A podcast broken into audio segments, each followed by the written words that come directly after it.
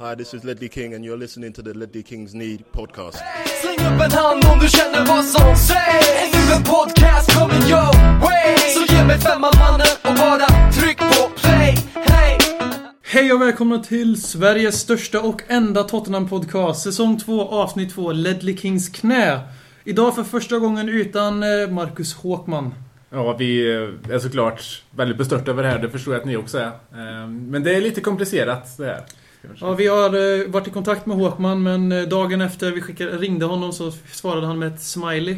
En smiley. Som vi Ja, det var ju ÖSK Bajen där. Han stod i Bajenklacken. Och jag försökte ringa han. Eh, Det var väldigt stökigt på läktarna. Det senaste jag fått från honom är ett sms enbart innehållande en smiley. Sen dess har ingen av oss varit i kontakt med våran MVP som vann Årets poddare förra året och allt vad det var. Och sju titlar tror jag han tog individuella och... Vi tror ju att den här lilla, eh, vad ska man kalla förvandlingen av Tottenham Hotspur till att bli ett nytt Manchester City har de facto skrämt iväg Marcus Håkman till en ny klubb. Tillbaks till de grönvita ränderna där han inte behöver oroa sig för framgång. Ja. Det är roligt att du tar upp det. För visst är det så att vi, man tittar ju lite på City så här, jävla spenderarklubb. Och när vi gör det, då är det så här. Ja men vi har ambition. Ja, men det är helt, helt, Helt, vi är helt sugar daddy på det sättet. Nej, nej, han har ju men- varit men- längst, äh, längst äh, vid, vid tronen i hela Premier League tror Men jag. vi har ju, om vi landar William nu så har vi ju spenderat mer. mer, mer än dem ja. Det är Nej, det har vi inte. Jo, Ja, det. de har, de har spenderat typ 10-15 miljoner mer. De har spenderat 94 miljoner pund och vi är på 58 Ja, så vi skulle inte gå med stund, William. Tror jag, men vi är ju inte färdiga har AVB sagt. Det blir William och en spelare till. Antingen Lamela eller Mm. Contrao eller Gud. Vi hoppar in direkt helt plötsligt. Det verkar som ni, ni vill inte småprata lite. Ni har ju inte sett varandra sedan ja, i maj. Nej, jag, jag hade helt glömt bort att du ser ut väldigt mycket som Iago Aspas. Sjukt lik Iago Aspas. Ja, ja, det är min tvillingbror som har skrivit på för The Reds där, så jag hoppas på lite checka den här månaden. Som jag kan donera till Tottenham. Ja. Men eh, Robin, det har hänt någonting i ditt liv i sommar som... Vi känner att du inte fått prata Jag tillräckligt har mycket sparat om. skägg och jag sparade fem veckor. Men jag såg, ja. Man kan säga att jag kompenserar mitt väldigt dåliga skägg eh, fram... Vad heter det? Skäggväxt. Skäggväxt, ja. Min dåliga skägg- Skäggfram. Skäggfram med Ja. eh, stark libido. Ja. Alltså, Ja, men det, det- är det är liksom bra. en eh, testosteronet liksom... Nej men jag har gift mig. Jaså? Det är jävligt stort. Ja. Per, Och- var, per var på bröllopet. Och ja, som bröllopet Don och, Draper för övrigt. och svensexan var jag på. Eh, Per var på svensexan bröllop. På bröllopet så, så försvann Per och hittades senast sovande på toalett på stället. Precis som man ska på bröllop. Jag missade stora delar av bröllopsfesten. jag Men, säga. eh, Men var- Jag är lite fundersam varför inte du hittades på en toalett sovandes. På, Robin. På ett bröllopet. Varför, varför då? För att du är ändå brudgummen, du måste ju vara värst av alla. Ja, men jag är bra på att kontrollera min fylla. Jag är väldigt bra på att dricka mycket utan att liksom gå under. Det är också något som är väldigt märkligt. Dina brittiska gener lyser igenom det. Det kan vara det faktiskt. För det är någon, det är liksom, jag kan dricka väldigt mycket utan att... Jag har nog aldrig däckat på fyllan. Aldrig, tror jag. Det var bara kör. Nej, det, som sagt var, jag, jag kan nästan styrka det. Jag var ju på både svensexan och bröllopet, så jag, Robin, Robin är bra på det där. Det är inte jag, ty- tydligen. Robin är alltså bra på att supa utan att däcka. På tal om det så, Danny Rose spelade ju från start mot Sunderland i säsongens första... Mot Sunderland? Mot Crystal Palace i säsongens första Premier League-match. Ja. Några kommentarer på det nu när vi... Jag, Det ty, var jag, ett jävla bra övergång. ja, grym. Nej, men jag tycker ändå att det var ett steg fram för honom sett till Jo, ja, han Espanyol-matchen. fick ju spela in Tottenham-tröja så det... Jo, men sett till Espanyol-matchen, där jag tyckte han var horribel. Nu tycker jag inte att han var så himla dålig som folk försökte få det till. La ni märke till att Tottenhams officiella Twitter gick ut och la upp en statistikbild på de två mest kritiserade spelarna efter, ja, efter det. Palace-matchen där de sa ja, Sigurdsson fick tre av fyra skott på mål och Danny Rose hade mest inlägg och mest passningar in i boxen och allt vad det var. Det har hänt någonting med Tottenhams Twitterflöde på Det sistone. är, någon, det är någon som har fått säga... Det är, någon, är det en ny person som har tagit över den kan vi säga. Det måste ju vara det. Det, det är någon som Som har... några av er kanske märkte så var även Gareth Bale med på den bilden. Ja. Nej, det, men det, är- jag tycker det är kul när det händer lite på sociala medier. Inte liksom dötrist. Ibland tänker man ju, är medieavdelningen och speciellt då i synnerhet sociala medieavdelningen på Tottenham Hotspur Football Club lite bakom flötet när Nasser Chadli presenteras i sådär en, en och en halv vecka efter att han har börjat träna med laget. Det är liksom, det är lite såhär, har du gjort det med Nasser Chadli? Nej, jag tar det. Ja. Så det, det känns lite så ibland. Lite de vibbarna får man ju. Ja. Definitivt. Mm. Eh, Ja, men på tal om, eh, om Danny Rose. eh, Det, det, Det är inte den vänsterbacken vi behöver i år. Det är en jättebra backup, tror jag. Eh, Men för att, för att citera Håkman så tror jag inte han håller måttet. Eh, Det var ett väldigt snällt citat av Marcus Håkmans åsikter om Danny Rose. Ja, det kommer mer sen tror jag på, i den frågan. Men jag tror att en, en potentiell Coentrao är bättre. Eller om vad vi kan hitta där. Vi behöver ju stärka positionen. För det verkar som att Benny är ju... Ja, Benny kan vi ju räkna med borta och därför så behöver vi ju oavsett en ny mitt, eller vänsterback så länge inte vi lägger eh, vårt hopp till Seki Friars. eh, Vilket jag inte tror Som att för vi gör. fått spela mittback på försäsongen. Ja. Så Mm, Så det är klart att en, en vänsterback med största sannolikhet kommer komma in. mm. Eh, sen får vi se om det är Sako som egentligen är en liten John Vertongen. Men kan man värva från PSG? Ja, han, eh, det, han kan man nog han har värva. ju krävt flytt där eftersom han inte får speltid. Men är inte han en lite mer så här BVC för att prata Jo, Jo, han det är absolut Alltså rakt liksom ingen offensiv. Och det är därför jag Nej, inte vill... Vertongen vänsterback. Fast Ja. Vertongen är väldigt bra offensivt. Ja. Så. Nej, men jag skulle inte vilja se Sako i Tottenham 3 om det var som vänsterback han värvades in. Alltså.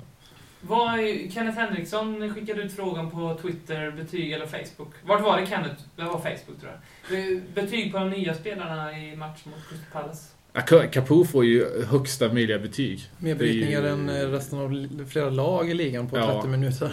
Eller jag tror aldrig jag sett en sån spelare som går in och visar vad han går för så snabbt. Det var synd att han träffade månen med sitt skott. Annars hade Ja. det fått kröna den Det var insatsen med ett mål. positivt, för då tänker man okej, den här killen har självförtroende. Och så fick vi även eh, bekräftat att det är Capo man säger. Mm.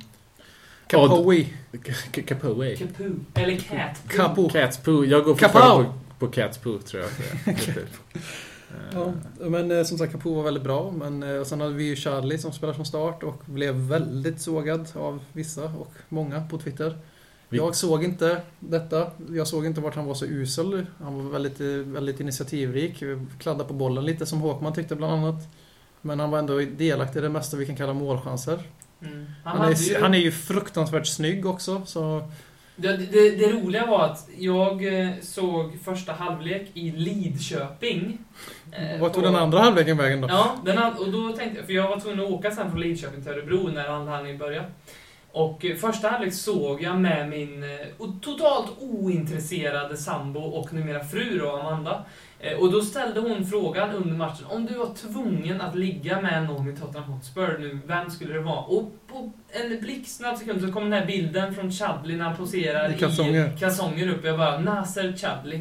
Eh, Men hon, hon, hon tyckte inte att han var liksom eh, den snyggaste. Den snyggaste hon faktiskt sa, som hon såg, det var Soldado. Och det köper jag, för han är ju en stilig herre, men han ser lite, lite, lite släpande ut i ansiktet. Han ser ut som en gammal farbror tycker jag. Så här, typiskt den där glada farbrorn man en har liten, som en liten, ateljén en och liten eh, fattigmans Van der Waart i utseendet. begynnande liten flint uppe på skallen där. Men han gjorde ju mål på Ja. straff. Det var det som gjorde det. Ja, det är ju sjukt att vi efter en omgång har fått fler straffar i Premier League i år än vad vi fick på hela förra säsongen. Eh, kanske ett gott omen också. För hans också. Det trodde vi att de Mm. hade tagit ur regelboken. Det var, det var många straffar i första omgången av Premier League och jag får väl säga ändå att eh, Soldado la den absolut bästa av alla straffar. Mm. Eh, helt sjukt bra hur han... Alltså visst det är en straff han ska sätta den men så som han placerar den straffen, det, Mm. det är inte många som klarar av det. Eh, så det visar absolut på att han har eh, ett, ett målsinne. Och sen eh, är det alltid viktigt när man blir- kommer in som anfallare att man gör mål från start. Och nu har han Mm. gjort mål i de två matcherna han har gjort. Mm. Och eh, på straff båda två i och för sig. Mm. Men han gör mål och direkt så sli- sli- slipper vi den här risken att han ska få en stämpel på sig efter fem omgångar med floppvärvning och få 26 miljoners punds tryck över axlarna. Mm. Så det var väldigt skönt att han gjorde mål direkt oavsett hur det såg ut. Jag vet inte om det här var för att vi spelade med ett 4-2-3-1 nu. eh, Men det jag la märke till det var att Soldado i första halvlek var nästan alltid på rätt ställe i boxen. Absolut. Han hade typ tre, fyra möjligheter som han brände, men han var ändå där. I andra halvlek så, jag tror att det var medvetet från AVB att han tog lite ett steg ner i planen, var med i uppbyggnadsspelet i anfallet. Som när han spelade fram Mm. Sigge någon gång. Och det var nog därför också som han fick byta och ta in Defoe, för det passade lite mer. Men sen Defoe kom in och skapade någonting nästan direkt. Defoe tycker jag också imponerade lite när han kom in där. Mm. Eh, Jag tror att om det blir så att vi värvar William så kommer eh, nog eh, Defoe kunna ha en ganska rolig både höst och vår. Mm. Eh, Tänk att ha en sån eh, spelare som William som kan lägga upp de här bollarna för en sån spelare som Defoe. Mm. Som alltid finns där de här bollarna ska komma. Och såna, det, en sån spelare som det visade sig i matchen mot Crystal Palace. Vi har inte såna spelare. Mm. Jag menar Soldado skulle kunna ha gjort tre mål bara med tanke på hur, han, hur väl han positionerade sig i Mm. boxen. Men en sån spelare som Chadli, det är ingen kreatör. Han går rakt på mål. Eh, li- lite samma spelartyp som Mm. Bale på så sätt. Lennon heller ingen kreatör. Mm. Eh, han och- försöker, han får ju den rollen tyvärr men han är inte, han är inte mogen den rollen. Han hade några gånger när han spelade lättaste alternativet. Chadli till exempel stod två Mm. gånger helt sopren i boxen. Han ska bara ha bollen där men Mm. Mm. slog han på första spelare istället. Så. Det är ju lite Lennons Så- svaghet där. Men en, en paras, parentes där, eh, för att gå ut i periferin lite om dialogen om Jermaine Defoe här, men han, jag vet inte om ni såg det. Efter matchen, det här kan vara borttaget nu, men hans Twitterkonto så var det en kille som hade skrivit eh, He created more chances those 30 minutes he was on the pitch than the eh, 26 million guy. Och det retweetade Jermaine Defoe. Och jag vet inte om han tog bort det sen. Gjorde han det? Kan vi kolla det? Det har jag inte Det det jag är lite jag icke-representativt. Lite Ja, väldigt. Jag vet inte det, men jag kan tänka mig att man får bara lägga in en liten disclaimer. Och det är väl att fotbollsspelare inte alltid är så fruktansvärt intelligenta och inte tänker på... Och Jermaine Defoe Allt. då i, spetsen där för de icke ointelligenta Nej, Kyle. Walker har vi väl kommit överens om efter hot från diktatorn att eh, det är Kyle Walker som är dummast i Tottenham. Ja, nej, men den är kvar. We look more uh, likely to score from open play when, we ha- when he came on for the 26 million dollar man. Eh, det retweetade då Jermaine Defoe. Han som skrev det här, eh, jag kan inte direkt vad han Det tycker jag är oerhört dålig stil av Ja. Jermaine Defoe. Det, det är ändå, det, på, som fans, det man tycker är kul ändå, det, är, det visar ändå att Defoe kommer att slåss för sin plats. Och han tror helt säkert att han kan ta den från Soldado, vilket är bra för... Alltså, Ja, det där bevisar det- ju definitivt på dumheten hos Jermaine Defoe. Men det, det, det, det, det, är ett V- det är ett VM-år och Defoe kommer göra allt i hans makt för att få spela. Mm. Eh, tyvärr så kan jag väl tro lite att det innebär att han kanske till och med vill flytta. Eh, Han har ju gjort det förut när det har varit eh, mästerskapsår. Ja, fast jag Precis. tror inte det. Jag, vet, jag, tror, eh, jag läste en artikel om Defoe som eh, visade ändå hur ganska jordnära han är som människa. Om, att han har ju, det var tre, fyra personer i hans närhet, i hans släkt, som har gått bort under det, ja, det är inte för att det gör en till jordnära person, men man, man märkte väl något väldigt genuint. Och han sa ju det att jag har svårt att se att jag kan spela för en annan klubb än Tottenham Hotspur. När han hade gått till eh, Portsmouth den första gången så ringde Tottenhams tandläkare upp honom eh, när Tottenham hade hemmamatch, när vi sjöng Jermaine Defoe, He's Edo, trots att han inte spelade för oss. Och då kände Defoe att shit, det här är ju mitt hem. Och det var mycket det som gjorde att han ville återvända till klubben sen. Jo, men jag tror att helst av allt vill han ju såklart spela för Tottenham. Men helst av allt ändå så vill han spela. Och det är det, som är, hans det sista, det är prekära. hans sista mästerskap också för England, så förmodligen. Så han kommer få se i januari kanske blir mer Mm. aktuellt. Jag tror inte att vi säljer honom nu i augusti om inte vi har någon lined up då, typ Damau eller Mm. Zlatan kanske nu. Det är alltid möjligt den här sommaren så.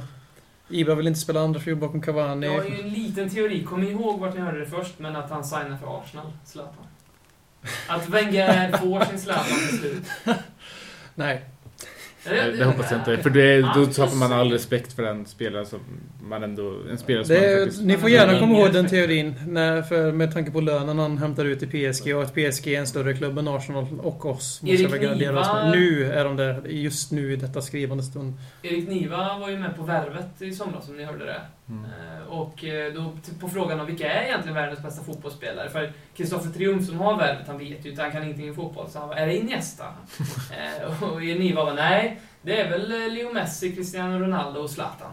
Ja. Ja, jag håller med om det. Jag tycker Zlatan är en av de Men tre, fyra varför bästa. säger han inte Bale? För att Bale Därför att inte Bale är inte det. topp tre i världen. Nej. Topp top fem, garanterat topp fem.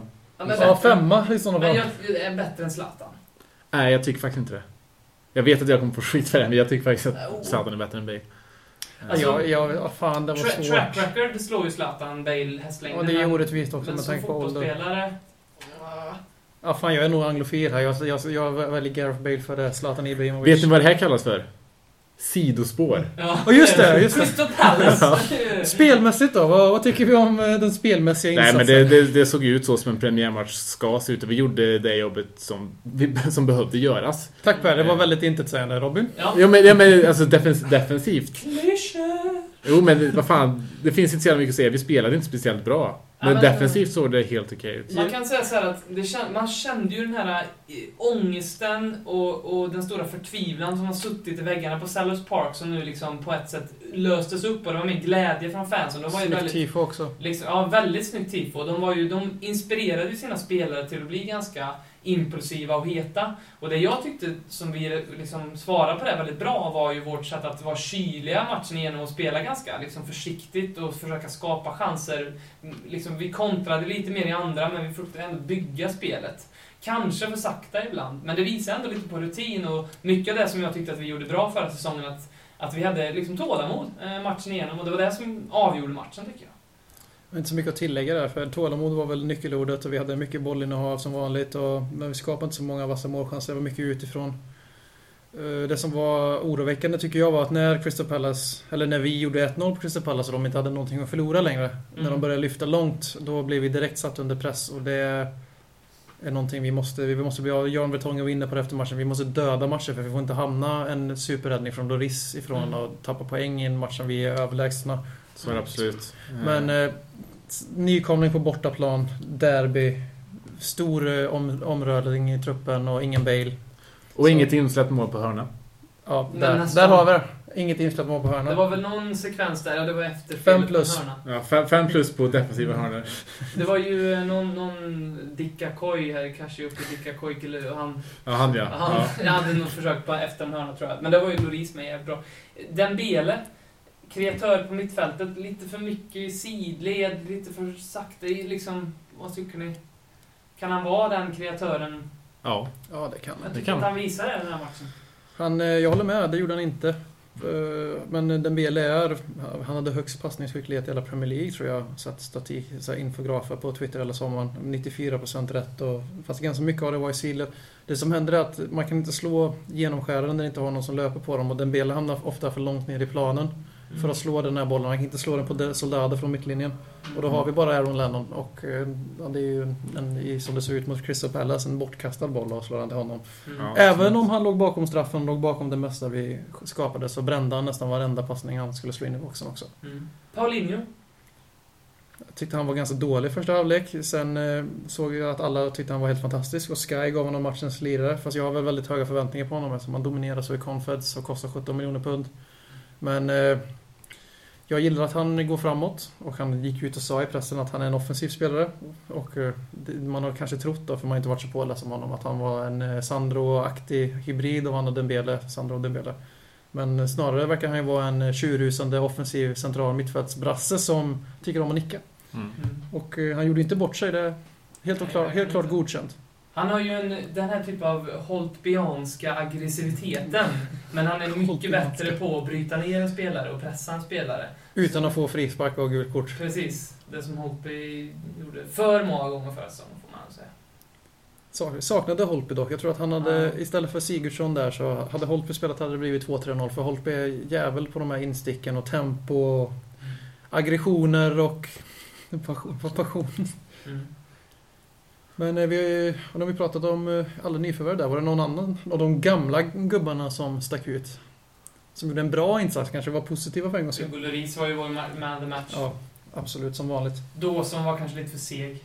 Slog många felpass också. Ja. Fast det är inte hans fel att han får det. Han ska inte ha den rollen. Det är ju pressspelet för motståndarna som sätter dem. De vill ju att det ska vara Dawson som sköter våra uppspel. Mm. Vertongen, fantastisk som vanligt. Kyle Walker, strålande Kyle initiativ. Walker är alltid lika bra. Det är en av mina absolut favoritspelare. Offensiv lusta. Har nummer två på ryggen som en klassisk högerback. Alltså, Ja, det var underbart att se nummer två den här säsongen faktiskt på en back. Jag har varit så oerhört irriterad på det. Clint Dempsey. ja, jag visste psyka mig. Ja. På FM, om jag skulle ta över ett lag som manager och en offensiv mittfältare hade nummer två, då skulle jag knappt kunna spela. Även om det var den bästa spelaren i laget, Ja. så jag skulle lägga ner reservlaget. Ja, jag håller, jag håller med. Jag håller med. Det skulle se så okänsla ut. Mm. Och det värsta med det här är att när jag såg Kyle Walker nummer två nu i helgen så kändes det konstigt att ha nummer två på en back. Bara på grund av... Fan ta det Clint Dempsey! Han har, han, har, han har förstört allt. Tror ni Clint Dempsey är sleepless i Seattle? På vilket sätt menar du att han skulle... jag vill bara säga det. Han ligger runt. Han som eh, kommer 30 000 och tittar på honom när han ska bli presenterad av ett MLS-lag så...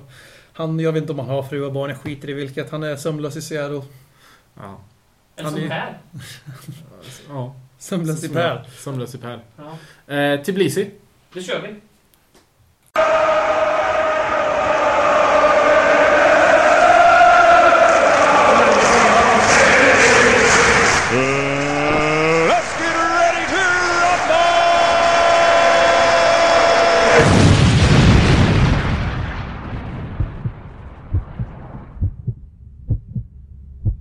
Dags att spela den mest ärorika Europacupen som finns, Uefa-cupen. Och vi ställs mot Dynamo Tbilisi.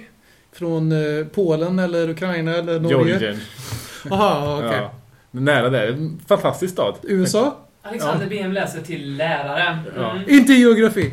Nej, men det är en fantastisk stad. En av mina favoritstäder i Europa faktiskt. Ja. Lite i det dyraste laget, men Ja. kultur, kulturen och nattlivet Jag är har hört att eh, floden som rinner igenom är fruktansvärt vacker. Ja, det är vä- väldigt grön. Är Ja, den. grön. Ja, mörkgrön. Billig öl?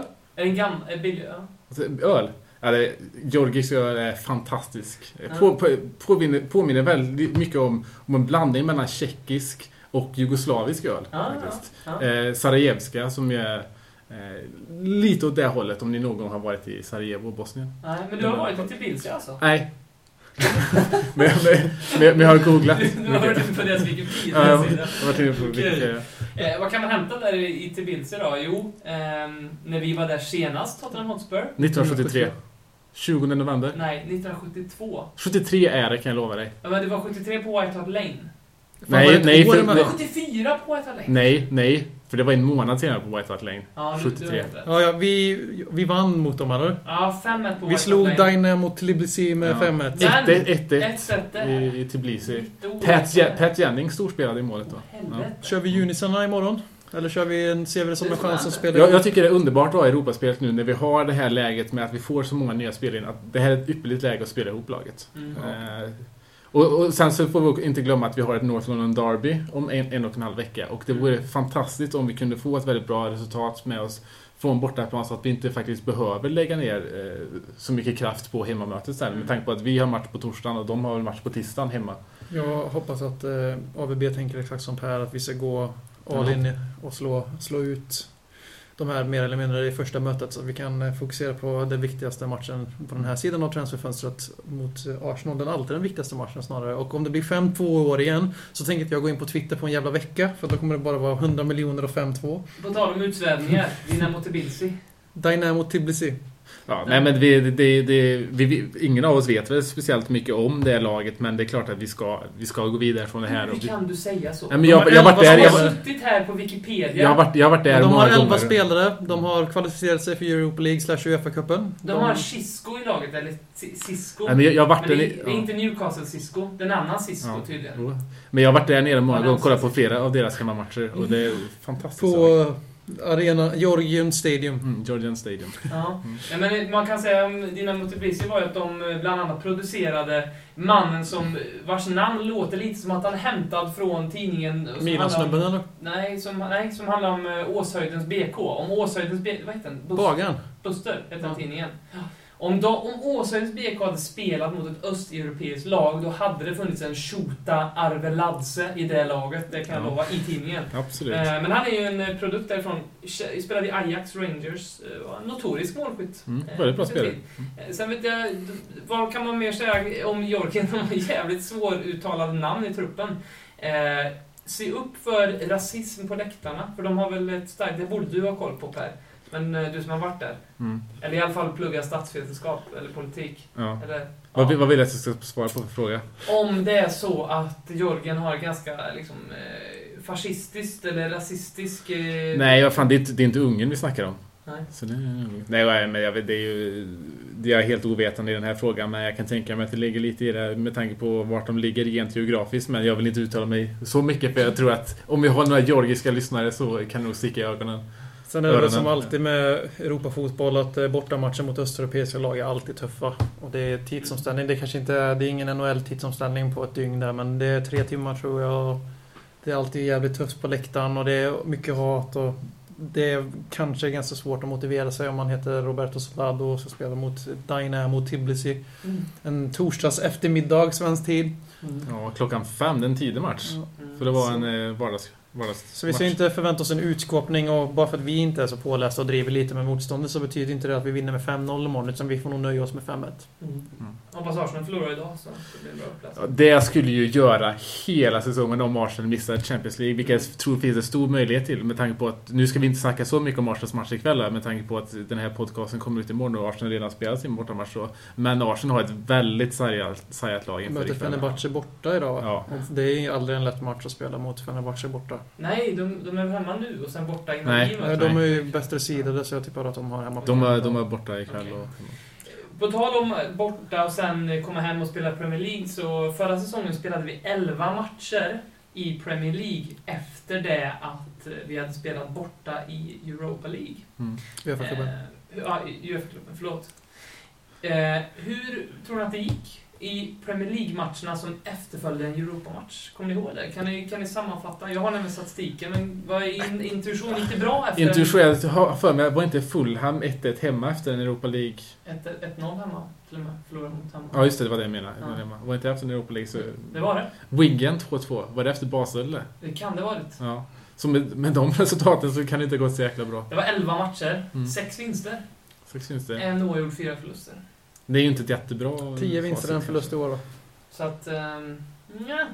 Men, men statistiskt sett så betyder ju det då att när vi nu glider in för att prata Swansea, att stat, vi har statistiken i ryggen. Mm. Eh, vi har även statistiken i ryggen mot eh, Swansea som inte vi har eh, förlorat mot på Etap Lane någonsin på 17 matcher tror jag om jag inte minns fel. Men, men det passar oss bra att möta Swansea. Ja, det, det tror jag också. De, de spelar också som vi borta eh, nu i morgon i Euro- Europa League så att eh, de har också den Vilka färden. möter de då? Det vet jag inte. Det är något ännu mer svåruttalat land. Namn. Malmö? Nej. Ja, då säger Malmö. Malmö FIF. Vad vad är Swansea då? Swansea blir ju definitivt eh, en liten kraftmätning här, eh, styrkeprov. Eh, Ja, ungefär i paritet med Arsenal känns det som. ja, verkligen. Eh, Burn!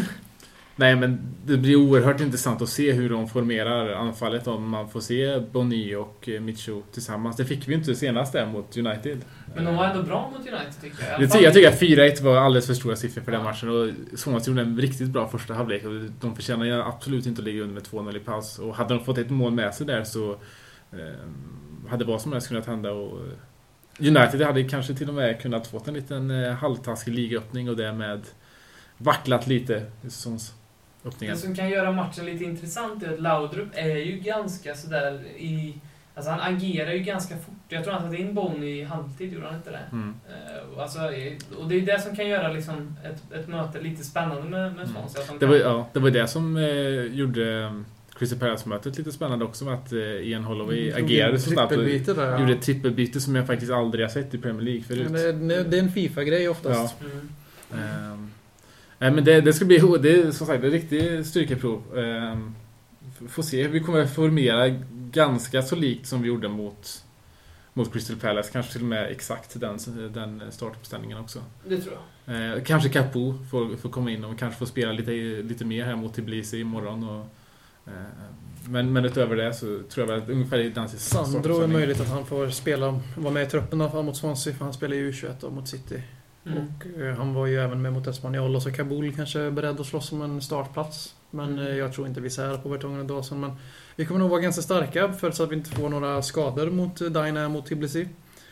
Och eh, Swansea kommer också vara starka. De har en väldigt bra målvakt. De har spelat trevlig fotboll. De har väldigt fint anfallspar och så har de en väldigt bra coach. Så Mm. Det är ju aldrig lätt. Det var kolla när vi var där sist. Vi vann men det var ju av två fantastiska nummer signerade Vertongen Bale som Mm. slog dem. Det var ju inte för att vi var överlägsna. Så Mm. det blir säsongens eh, roligaste match hittills. Det tror jag. Ja. Och det är ju, Lukas Wadman skickade den här eh, frågan till oss just med det här, nu när vi har U- U21 och, eller vad säger jag, nu när vi har Europa League och eh, Premier League. Att sådana här matcher, som till exempel, alltså ponera att vi, vi kan ju leda med mer än två mål kanske i 60 minuter mot Swansea, plus att nu vi nu har en lite lättare Europa League-match. Ska vi redan nu börja slussa in lite U21-spelare, framförallt då ja, egentligen Carol Townsend, kanske någon till, för att liksom hålla igång rotationen tidigt? Vad... Ja, det, om vi inte gör det då, när ska vi annars göra det? det de kommer ju inte få spela från start i Premier League särskilt ofta och i Europa League vet man ju aldrig vad. Vi kan få en stenhård grupp eller vi kan få en jättelätt grupp och så kan vi låta dem få lite speltid där. Men om vi inte vågar skicka in dem när vi leder med två mål på hemmaplan, då, då kommer de ju inte få någon speltid och då är det bättre att skeppa dem på lån. Mm. Båda två. Även om vi behöver ha Townsend i truppen tills vi värvar en ytter eller två.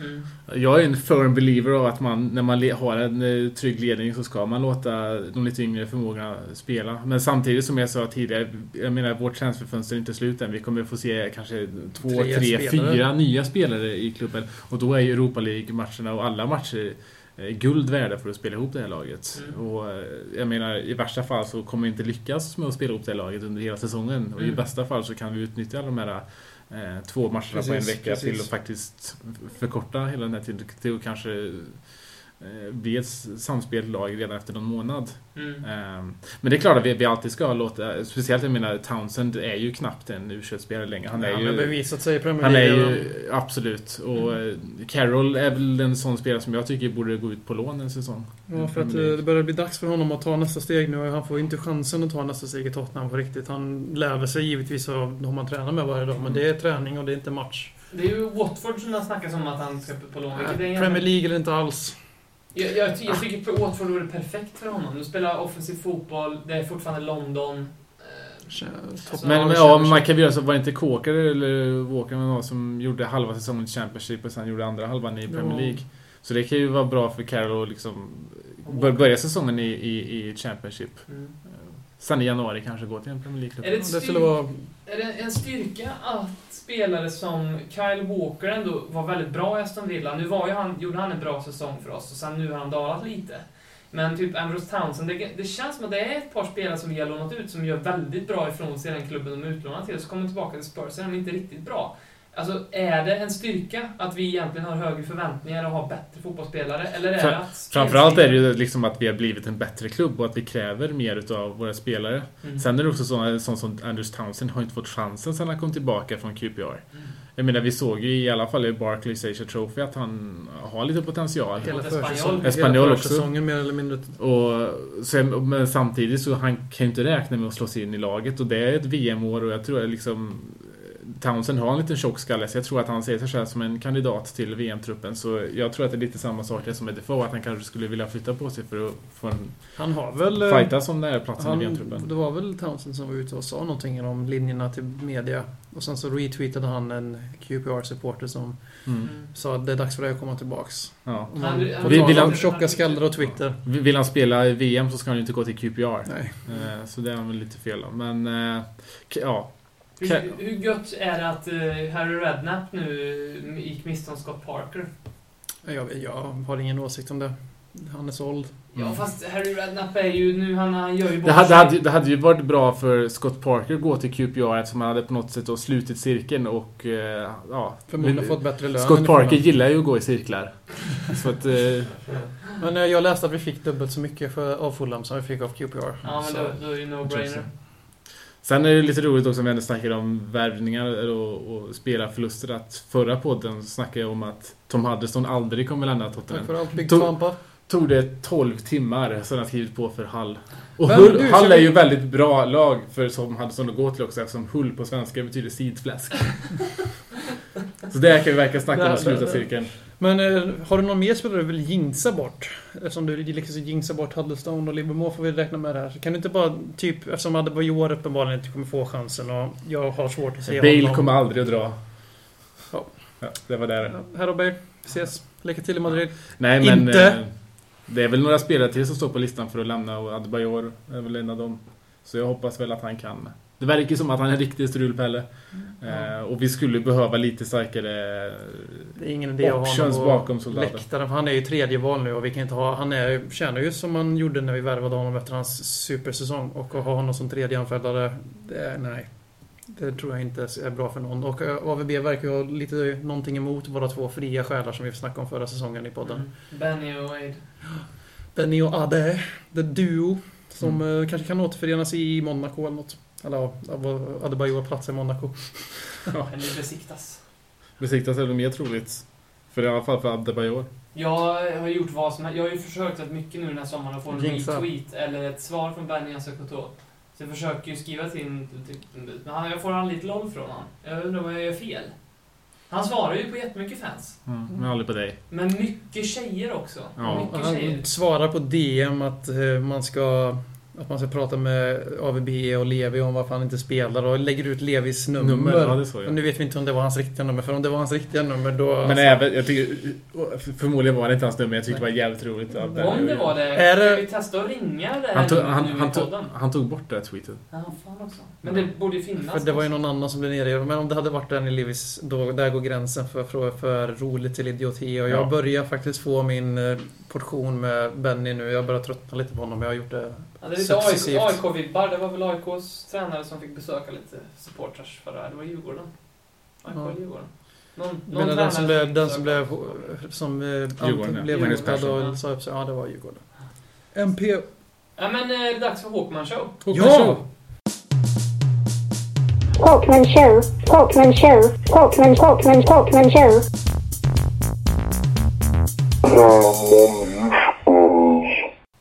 Ja, eftersom att det senaste livstecknet vi fick från eh, Håkman eh, var en smiley i ett sms och att han befinner sig någonstans i 08-land nu så eh, vill vi ändå hedra den här fantastiska människan eftersom vi saknar honom.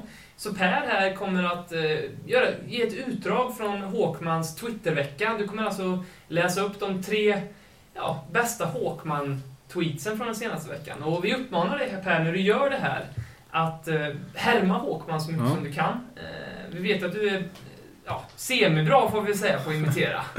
Med Eh, betoning på semi där. Ja. Och eftersom att Håkman skriver väldigt poetiskt när han twittrar så, så försök att liksom få på den här poetiska ådran som den här mannen kan ha. Scenen är din, varsågod. Ja, hej, det var Marcus Håkman här då, som ska eh, läsa upp mina tre favorit t- tweets. Som du Från- själv har skrivit. Så, från The Crystal Palace-matchen. Jag börjar med, med nummer tre, min, min, min tredje favorit. Straff. Utropstecken, utropstecken, utropstecken, utropstecken, uh, utropstecken, utropstecken. What the fuck? Vi är ju Spurs. Ho ho. Jag går över till placering nummer två. Ja, det, här, det här kommer vara en lite rolig tweet från, från mig. Vem är detta? 1, 2, 3, 4, 5, 6, 7, 8, 9, 10, bolltouches. Kyle uh, Walker. Och det här kommer, det är min absolutaste favorittweet från eh, från Crystal Palace-matchen. Dagens mest väntade är att eh, Crystal Palace knullar oss på läktaren. Det var den veckans Håkman Show. Talkman Show, Talkman Show, Talkman, Talkman, Talkman Show.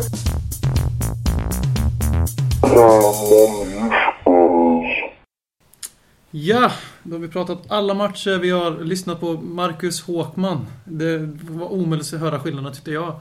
Och nu är det dags för det ni alla lyssnar på den här podcasten för och det är Transfersnack. Vi sitter här den 21 augusti. Det är till 2 september transferfönstret. Vi har värvat 14 spelare och vi kopplas ihop med 1214 till. Det snackas mest om den här brassen William med afrot där. Är det någon som har någon åsikt om William? Han är, han är ju eh, bra. ja, helt, Han har ett smeknamn på Fighting Cock som heter Will I Am. Mm. Ja, nej men det är en spelare som AVB har velat haft till sina klubbar i snart två år nu. Jag till och med Nej, nej, nej, nej, nej. Han har velat ha honom i två minuter. Ja, efter Liverpool, Liverpool, ja. upptäckte denna diamant som aldrig har gjort två mål på Stamford Nej. Bridge i Champions League. Det, det är väldigt roligt det här, eh, det får mig att tänka på den här Liverpool-supportrarna vill måla upp det här att vi inte har vår egen scoutverksamhet. Eh, och För det känns liksom, på samma sätt som man kan vara porrskadad när man som liten ung kille börjar ligga för första gången. Liksom Vadå liten ung kille? Här sitter jag, 24 år gammal. Forever young. Nej men ni vet alltså, man trodde liksom... Man var porrskadad när man gav sig Ja, sitt eget sexliv. Så är man ju lite FM-skadad på sitt sätt att se på fotbollen idag. I alla fall jag. Ja, alltså man tittar ju liksom... Som så här, och det är det jag tror det här upprinnelsen till alla de här ja, desillusionerade Liverpool-fansen som tror att vi bara Oj, de har lagt bud på honom. Ja, men han vill jag ha. För så där är det ju på FM när man lägger en spelare på önskelistan och så ser man att ett annat lag lägger bud på honom. Man bara, ja men han vill jag också ha. Fast så köper man han utan att egentligen ha tänkt igenom det. Så funkar det ju inte i... Och jag, jag hoppas alla Liverpool-fans förstår det. Framförallt hoppas jag att de förstår att nu väljer ju spelare Tottenham i så fall framför Liverpool för att vi är mycket attraktiva. Men det är för att vi betalar mycket mer i lön än vad de gör. Har du inte hört det om Sigurdsson som också var helt oupptäckt och aldrig hade gjort åtta mål för Swansea i Premier League? Ja, men det, det är sant. Och det är ju fel. Fast jag, om, jag, om jag får försvara Liverpool-fans lite här. Nej. Så Nej. måste jag ändå säga att det, det kan ligga en del i att vi faktiskt är intresserade av Liverpools eh, transfer targets i och med det att det är väldigt viktigt för oss som klubb att fortfarande hålla Liverpool bakom oss i tabellen och därmed vara en större klubb. Jag tror snarare att det är, inne på Per spår, men jag tror snarare att det är så att vi är ungefär samma storlek och klubb och attraktionskraft just nu. Mm. De har sin historia, och vi, men vi är ett bättre lag nu. Det går inte att säga emot, det kan de försöka hur länge de vill. Vi är bättre än dem just nu, vi är en attraktivare arbetsplats, har inte riktigt samma historiska tyngd, även om folk gärna glömmer bort vår relativt framgångsrika historia. Mm. Men eftersom då är vi inom den här, vi är precis under de tre fantasilagen högst upp i Premier League. Eller två nu, för United har haft jävligt svårt i sommar. Så efter City och Chelsea, då kommer liksom United få första chansen där i Premier League. För de betalar inte samma fantasilöner som de två ekonomiskt dopade lagen. Sen har vi Arsenal som själva har satt sig som sjunde störst i Premier League när det gäller att hugga på spelare. Ja, Sämst i Premier League skulle jag säga. Ja, och sen har vi oss och Liverpool och det är ganska logiskt. För vi är ändå, vad är det, en eller två positioner skillnad. Det gör ingen större skillnad i, vär- i världen. Så det är samma pengar, ungefär samma storlek. Alltså liksom, vi tittar på samma spelare. Det är ganska logiskt för vi kan inte få de här spelarna som City och Chelsea kan få. Utan vi kan få dem i facket precis under. Och det är samma sak för Liverpool. Så det är så fruktansvärt logiskt att vi hugger på samma spelare. Framförallt så är det ju helt taget ur luften att det finns någonting som att man kan kapa ett bud som någon har gjort. Liksom bara att typ man, man springer framför i kön liksom. Nej, nu är det nog vår tur här. Liverpool Alltså, får vänta! Det är ju liksom, det är ju jättefåfängt att säga så. För jag menar, det handlar ju mer om att agenterna tar kontakt, precis som du säger här Ben, med visst antal klubbar som de tror passar för den här spelarens nivå och som kan vara intresserade. Eh, och, då, och då att då råkar vara Tottenham och Liverpool, ja. Men hur många gånger har liksom Liverpool huggt på Paulinho, Soldado och Chadli som vi ändå värvade? Troligtvis ingen gång. Kanske Soldado förresten. Men, eh, Jag har för mig att det var någon... skitsamma. det är lite, det är, det är lite överhypat. Eh, Men på tal om det här eh, med William så fick vi en fråga från Johan Falkman. Som bara en kort kuriosa om den här mannen, AIK-supporter då, som mot allmänt förstånd lämnade White Hart Lane mitt under brinnande match när vi För var krama där. en före detta AIK-spelare. Ja, för att krama Jos Hojfeldt som spelar i... Men, men, men det är något vackert över det Johan. Eh, Men hur som helst, eh, hur lättade blir ni om det visar sig att afrokvoten säkras här nu, att William kommer in i laget? Ja, vi är fortfarande en man kort med tanke på att Benny och Huddeston Mm. lämnar. Och du ersätts bara med William. Jag sätter det- allt hopp till uh, Littleton. Att han, Att han att ska- han axlar manteln Ja, och ja. gillar afro. Ja, Åh, vad ful han skulle vara i afro till Carol. Kan inte du photoshoppa det sen Per? ja, jag fixar det. Ja, bra. Photoshoppa. Eh, Photoshop. Johan Lager, vad hände med Gomes? Vad hände? Ja, det verkar vara ganska svårt att släppa, släppa iväg honom. Känns han som lite sån här äh, autistiska killen som hänger runt bara där och är kvar i klubben fast ingen vet vad han gör där? Ja, självklart. Eh, men för ett annat spår med Gomes är att eh, det var Robin, tror jag, som tweetade i somras att Gomes stod i mål den här stängda dörrar-matchen när vi körde över ett amatörlag. Och just den, där och då så kände jag, hmm, varför skulle Gomes stå bakom stängda dörrar? För då var det nog att AVB ville ge honom en kik till och se om den här killen kan fortfarande vara något att ha i truppen. Mm. Och sen så hämtade vi in en brasse, förutom Sandro då, Paulinho. Och nu kommer väl nästa också, förmodligen. Pappa, pappa tar i trä, bla bla bla. Och då känner jag att de kanske inte riktigt vill skeppa honom. För att det verkar inte finnas något eh, riktigt intresse. Han är väldigt bra för att vara tredje mål. Jag skiter i hur det såg ut mot Real Madrid i kvartsfinal Champions League och bland annat.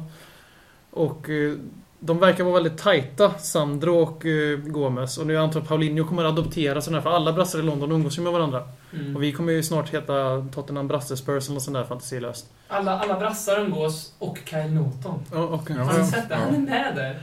Och då, därför tror jag att det kan finnas eh, sociala skäl att han inte skeppas. Och sen så givetvis att det är inget lag som lägger tillräckligt mycket pengar. Nej, men det kan vara så som du säger då att Friedel mm, spelar på någon form av sista viol eh, och att han kanske kommer få något hjälptränaruppdrag och att då Gomes en väldigt naturlig backup. Och att liksom AVB säger på portugis, ren portugisiska Ja, jag kan ju inte ren portugisiska. Stanno in del clubo. Ja. Eh, då till, på tal om det, Adrian Jerf. Förlåt om jag uttalar ditt efternamn fel, men jag kan säga att jag vet hur det känns, för jag har också ett konstigt efternamn.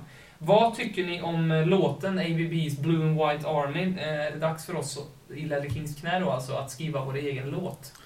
Det, det finns ju redan en låt som jag tycker trumfar alla låtar. Mm. Eh, och det är ju den då av Glenn Hoddle och eh, Chris Waddle. Diamond Lights. Ska vi lyssna lite på den? Ja, vi gör det. Du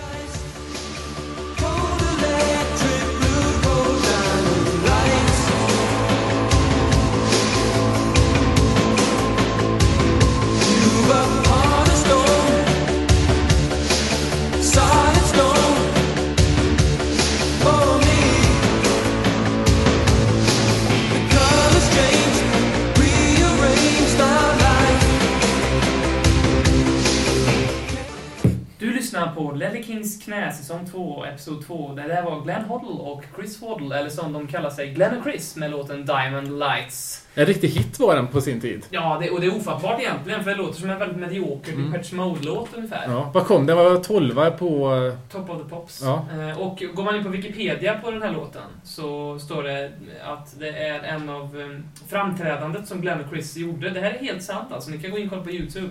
När Glenn och Chris live sjunger då på Top of the Pops, ett sorts musikprogram som är väldigt stort i, i Storbritannien.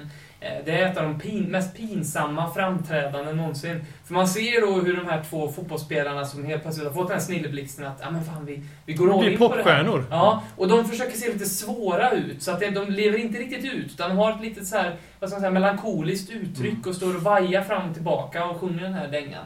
Eh, Tycker jag det var ett mycket bättre försök än det Björn Borg och Thomas Brolin och grabbarna försökte sig på för eh, herrans massa år Men sedan. den med Dr. Alban? Ja. Ja, Men Det, det, det är svensk kultur. Jag, jag skulle dock gärna vilja se, skulle dock gärna vilja se Sandro försöka sig på något liknande. Det skulle vara hur bra som helst. Ja. Det är bara att kolla på klippen när vi kilade in de nya killarna. Sandro var ju halvvägs på scen och stod och hoppade och kunde ju Ja. knappt hålla sig ja, från att spanka i byxan. Showman! Till skillnad från eh, Chris Huddle. Det Eller Chris Huddle, Glenn Ja, Huddle. de tre, för då var det ju Paulinho som sjöng den här eh, brasilianska, den låten. Och Soldado såg jätteobekväm ut och sen så var det och Capoe Capoe som stod och rapp, Capo som stod och rappade på franska. Ja. Eh, nu är det dags att eh, skifta fokus från musik till andra ljuva toner. Robert Folin kom med en väldigt bra fråga. Lite för... Bakgrunden till det här är ju att i helgens Premier League-omgång Eh, så de, om man tittar på alla spelare som startade eh, för alla lag så var det lägst antal brittiska fotbollsspelare någonsin i en Premier League-omgång. Det var 70, 77 spelare eh, som var från Storbritannien. Eh, jämfört då för bara ja, 1992 när det var 177 eh, brittiska spelare så har ju verkligen gått en inflation i, i eh, utom brittiska får vi säga, fotbollsspelare i Premier League. Och den frågan då som Robert Folin ställer oss här som är väldigt intressant är hur mycket kan vi shoppa innan själen i laget shoppas sönder? Ben. Det är ju en väldigt eh, hårfin fråga för, eh, för det, så sent som förra säsongen så var vi fortfarande ett föredöme när det gäller brittisk arbetskraft på, i fotbollslag. Vi hade väldigt många britter som en stor del av vårt A-lag.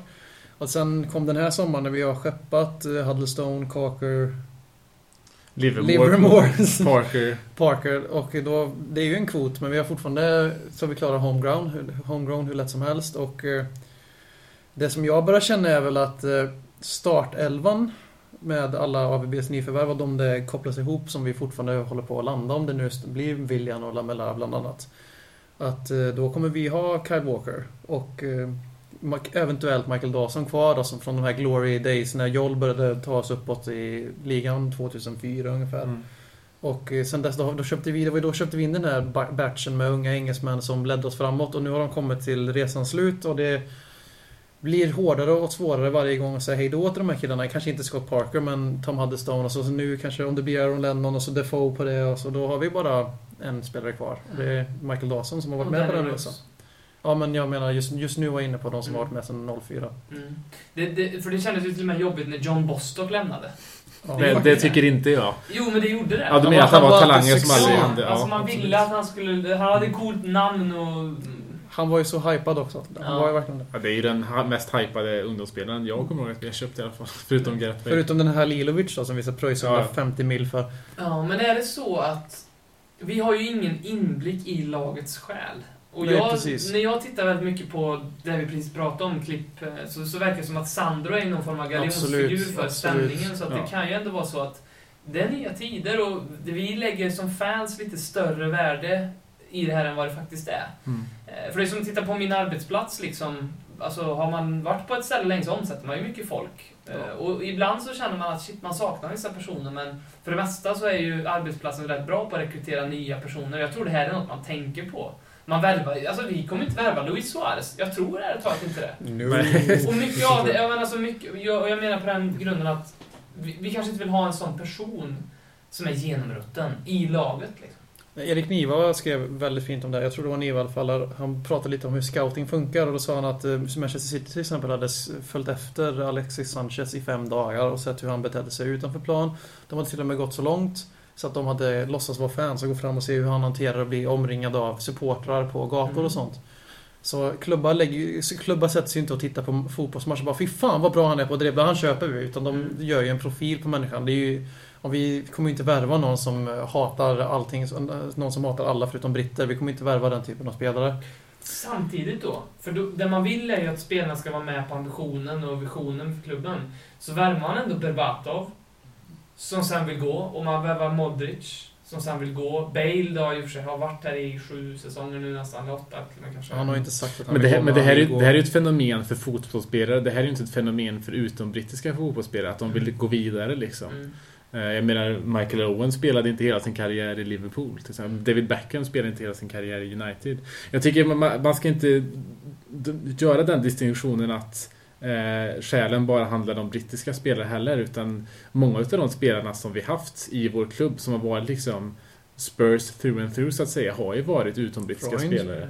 Freud, Ginola. Ginola, vi har ju Benny nu till exempel. Och, ja, och kollar man lite Sandro på, på, som på, sagt ja, Sandro, Bertongen, Loris. Och Ciardiles. Och det här betyder ju inte att de här killarna inte kommer vilja flytta utan det är ju att de kommer hit och de går verkligen rakt upp i Tottenham men sen så känner de att de vill ha en ny utmaning precis som att vi inte vill jobba på samma företag eller skola, vad fan det nu blir, i 40 år. Så vill inte de spela hela sin karriär i Tottenham även om de kanske älskar klubben när de är där. Mm. Och visst, jag kan förstå men det är, för mig personligen så är det tungt att vi blir av med alla de som, när man verkligen blev engagerad Tottenham-support för mig så var det ju först hade vi några riktiga skitupplagor och det var Keen där man anknöt till i alla fall jag.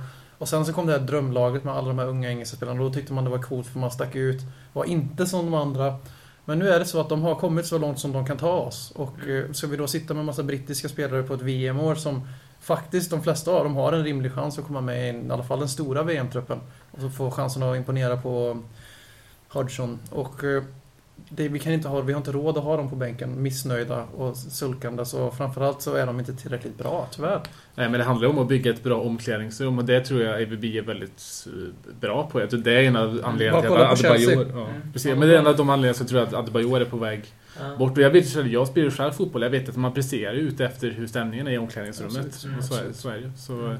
Det handlar, själen ligger i omklädningsrummet och då tycker jag det spelar mindre roll huruvida man har brittiska spelare eller Sitter ni inte. och säger att brittiska spelare är sämre?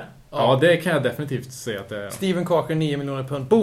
Vi ska, Ja. ta, vi ska ta en dialog om det här efter. Men eh, om vi skulle distillera ner svaren lite. Vad, har vi börjat sälja bort våran själtjänst det som det Tottenham ni växte upp med? Så att? Jag kan helt ärligt säga att de här nya spelarna, så det, för mig tar det extremt lång tid för en ny spelare att spela in sig i hjärtat hos mig. Eh, Van de Waart är en spelare som inte, för han älskar det från första sekund av någon anledning. Det var liksom klickade. från Real Madrid. Jag är jätteskeptisk på de spelarna vi har värvat och de jag verkligen gillar hos oss. Nu har jag börjat gilla Bertongen lite.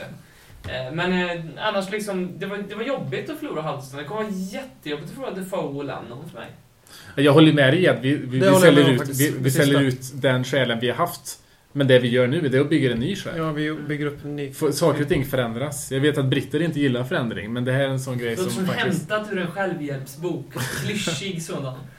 Att britter inte gillar förändring. Ja, precis. Ja. Nej, men det stämmer ju. Väldigt Men, konservativt eh, land. Så är det ju tyvärr att eh, förändring kommer det bli. Vi har värvat fyra spelare, vi har sålt fyra, lånat ut en tror jag. Mm. Och eh, det kopplas upp ännu fler. Johan Nyberg och Simon Bengtsson ställer då en fråga som är otroligt relevant för eh, det vi precis pratade om då. Att spenderar vi Bale-pengarna eller spenderar vi för att Bale ska stanna? Den var knivskarp den också. Jag tror både och. Mm. Jag fast vet, jag- Det ena utesluter faktiskt inte det andra. Jag menar Bale. Så menade jag. ja.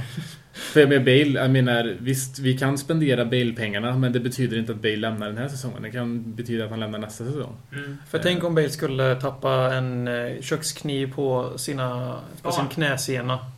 Och sen så sitter vi där och bara, "Vad fan vi skulle ju sälja han för 100 mil och nu är han skadad i åtta månader. Ja, det var ju synd. Vi får eh, likvidera klubben och starta om i League 4.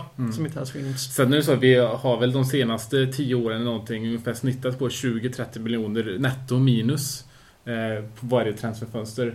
Eh, så det, det, det är inte helt orimliga siffror som vi har spenderat. Samtidigt som det, det var väl någon säsong där när vi sålde vad var det, Burbato och de som vi faktiskt gick 30 miljoner plus netto. Och, och samtidigt, det har ju varit mycket spekulationer i huruvida Joe Louis och Inic är involverade i den här lilla spending spreen som vi har. Och jag, jag, tyckte, jag tyckte det var intressant att kolla på det ur ett historiskt perspektiv med Inic som det är Tottenham inte den enda klubben de varit involverade i. Utan det, AIK Aten har de varit involverade i och eh, i den här Rangers. Och i den här lilla eh, samlingen klubbar så ingår ju även Slavia Prag. Och det, den här relationen mellan Inic och Tottenham eh, påminner väldigt mycket om den med, som Inic hade med Slavia Prag. För de köpte ju eh, den här Pragklubben då när klubben hade ekonomiska problem. De hade en fin historia utan några vidare större framgångar, väldigt likt, eh, väldigt likt Tottenham. Eh, och de investerade i klubben, gjorde den till en dubbel ligavinnare som kvalificerade sig till CL år efter år för att sen sälja klubben. De köpte ju klubben 1997 och det här var strax efter att den här ägaren Korbel i princip hade sålt av hela laget som 95 vann den tjeckiska ligan. Eh, Efter det här så lyckades de vinna tre kupptitlar och två back-to-back ligatitlar 08-09. Och det tog Inic ungefär f- 11 år att investera tungt i Slavia Prag och, och liksom cementera statusen som ett C-lag och byggde sen även Eden-stadion där nere eh, innan de sålde vidare. Och det, här det här låter, barkar eller? och det här låter ju väldigt bekant, eller hur? För stadion byggdes 2008. Det var 11 år efter, att över, efter deras övertagande av klubben. Ligatitlarna 08 och 09 kom 11 respektive 12 år efter att Inic hade köpt upp en stor del av klubben. Jag tror det var 31% eller någonting. Och om vi kollar på oss då. Efter 8 år, samma sak. Efter att Inics eh, efter att Inic tog kontrollen så annonserade de att vi skulle bygga en ny stadion. Och 11 år efter att de i princip, efter, 11 år efter deras övertagande så har de i princip ensam kontroll och har temporärt tagit bort klubben från aktiemarknaden. Nu snackar jag som Tottenham. Så det verkar lite som att Inic har ett formulär för den här typen av affärer hanteras. Hos, Mm. hos Slavia Prag så var bygget av en ny stadion det, det sista steget i deras investering. Så vad är egentligen 100 miljoner pund stor investering? Om man tittar på att det kan garanterat få ut en maxpotential utav en ligatiteljagande klubb. Hur har det gått till Slavia Prag när Inic har sålt dem? Ja, det Helt spelar väl ingen roll, det spelar ingen det roll i är det ju deras perspektiv. Men jag menar Ja. rent alltså, fotbollsmässigt. Vad... Slavia Prag är ju fortfarande, är ju fortfarande en stor klubb. Mm. Sen att de inte vinner lika mycket... Det är ju upp till de nya ägarna. Ja. Sen finns det ju också sportliga aspekter. Att vi ser ju att eh, det är United framförallt får väl anses ha fått eh, lite... De är under attack nu efter Ferguson stack. De får inte, de får inte den de vill ha längre. De eh, ska för att göra en jävla resa, alltså ersätta 20 år med samma manager. Där allting sitter vid väggarna. Och eh, Mm. vi har en ny tränare i Chelsea, fast det räknas ju knappt. Och vi har en ny tränare i City. Vi har ett Arsenal som jag inte vet vad de håller på med. Vi har ett Liverpool som är på Dekis, och, eh, eller Dekis kanske man säger. Jag, jag, när du sa sådär, då tänkte jag såhär, åh är det så man uttalar det? Men vi får inte glömma, alltså, vi, Och- många av oss... Eller fortsätt. ja, så, så sportsligt ser vi en chans nu att kanske inte gå ligatiteln, för City och Chelsea ser läskigt bra ut Mm. alltså. Men kanske ta med fan komma upp på andra, tredje plats, vara med och slåss innan i omgång 38. Man vet aldrig liksom och eh, ta en titel eller två. Och samtidigt så har vi ju också höjt våran profil. Är bara kolla Bale ansiktet utåt i USA där de lanserar sporten fotboll på riktigt nu. Där de Mm. har bättre TV-sändning och rättigheter än vad fucking England har. Mm. Och eh, då har vi Bale där, det får vi pengar för. Han är på omslaget till Fifa. Det får vi pengar för. Alltså allt, det är inte bara Bale som växer på det här. Mm. Det är klart att klubben har ju sin egna logga överallt och vi vinner på det här också. Så vi växer som tusen som klubb. Och går sportsligt bra, så vi Mm. drar in pengar. Så det är absolut inte Bale Ja. 100 miljonerna vi redan spenderar, för så funkar inte Daniel Levy. Och jag, jag har ju en stor amerikansk släkt. Jag hade en kusin över här eh, förra veckan som var här en vecka och vi snackade mycket fotboll. Han kände inte till Tottenham överhuvudtaget men han visste vem Bale var. Det säger en hel del om hur stort varumärket Bale är. Mm. Sen får vi inte glömma, många kanske tycker att det här liksom är en väldigt snabb förändring klubben har gjort. Men vi får tänka på att när Daniel Levy tog över, då liksom kämpade han verkligen med att försöka sälja av spelare som Ruel Fox och Dominguez. Och nu liksom säljer han en spelare för 100 miljoner pund förmodligen. Mm. Den, den, den, den, det är en stor resa, men det är inte en speciellt kort resa. Den har hänt under en successiv. Och det, allt det knyter ju period. tillbaks till att eh, vi spenderar förmodligen inte Bale-pengarna för vi har pengar. Och däremot så tror jag inte att eh, om budet kommer in på 100 miljoner så tror jag inte Danny Levy gråter utan då ryker ju Bale. Och det tycker jag att det är helt rätt. Nu när vi verkar verkligen på riktigt att ersätta och inte göra en Berbatov-ersättning. Men det, det känns ganska uppenbart för mig att han, eh, han lämnar eh, Bale. Och det känns som att, Lägger Real Madrid de, de pengarna vi vill ha, då sticker Bale.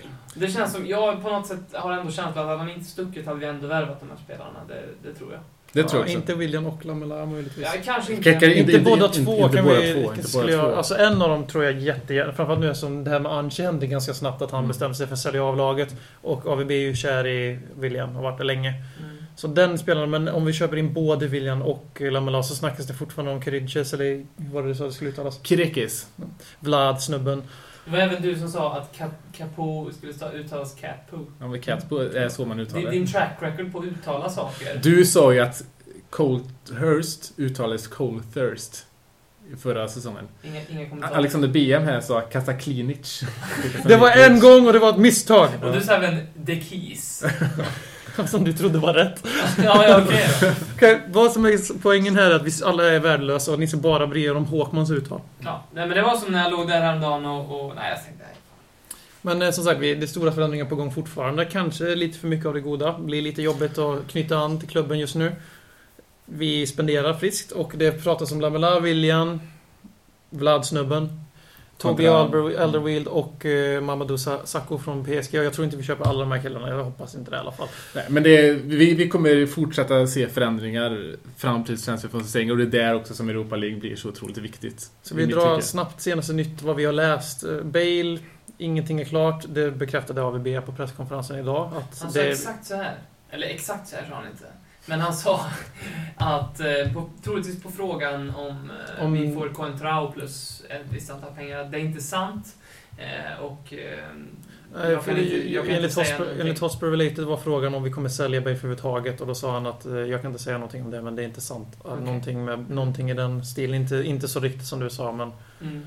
Nej, vi har ju förlåt faktiskt då. så, Förlåt. Vi har ju faktiskt sagt så hela sommaren att han är inte till salu och de gångerna AVB har lagt de här små tidbitsen i slutet så har, har det faktiskt varit efter ganska grov media mikrofon i halsen på honom.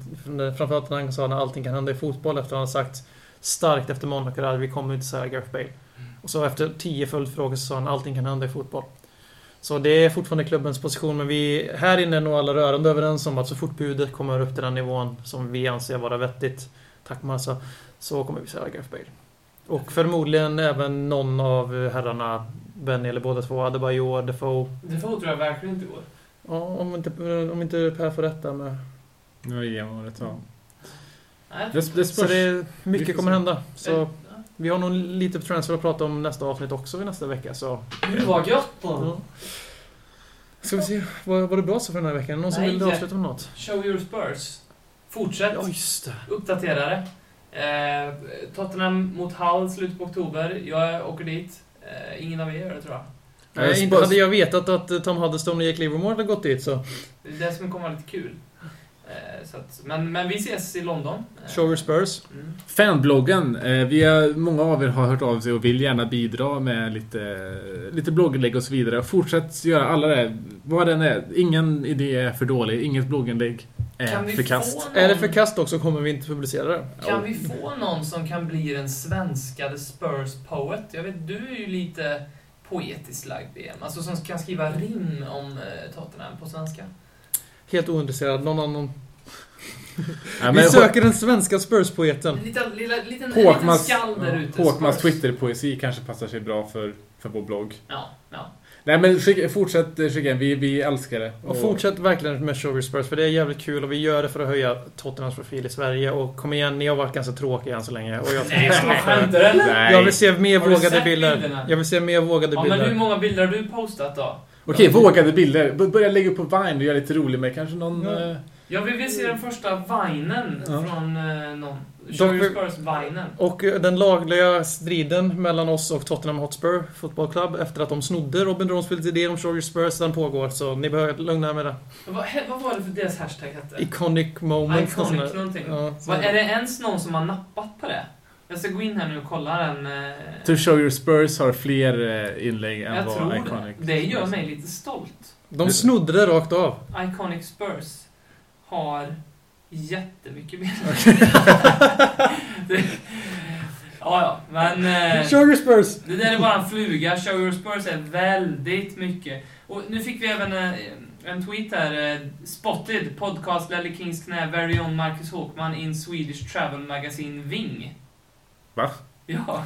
Vad är det här? Det är, det är någon som har sett Marcus Håkman, eh, Rawhide heter han på eh, Twitter, men eh, han har sett Marcus Håkman i eh, En vinkatalog. Vingkatalogen. Och kan du ta kort på det här och eh, skicka till oss så, så måste vi... Det här är ju oerhört Eh, konstigt. Otroligt. Han gör alltså... Det måste vara en lookalike. Han gör sponsor, sponsorgrejer redan alltså. Ja. Men han har alltså skrivit svenska kontrakt för, för, för utlandsföretag. Mm. Mm. Han kan vara på väg bort. Ungefär som BT Sport och Lucasade som bara fungerar i Storbritannien. Eh, jag vill inte kommentera det, men det är inte sant.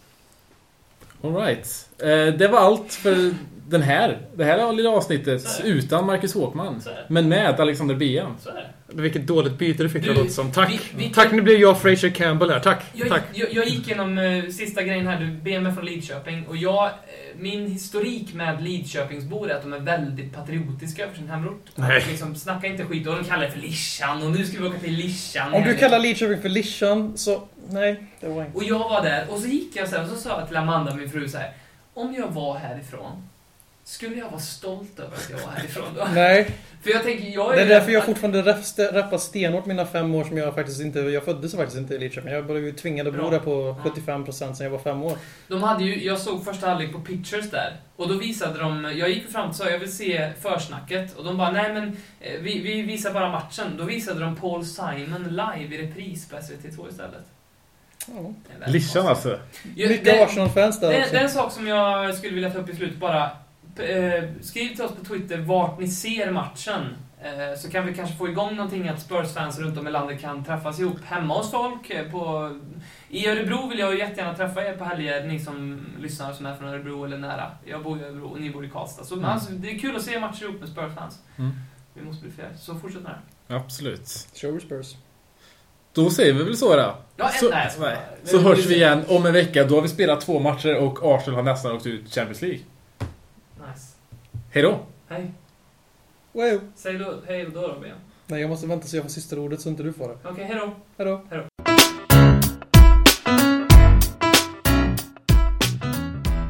Vi är fortfarande utanför puben The Bree Louise i Houston i London och...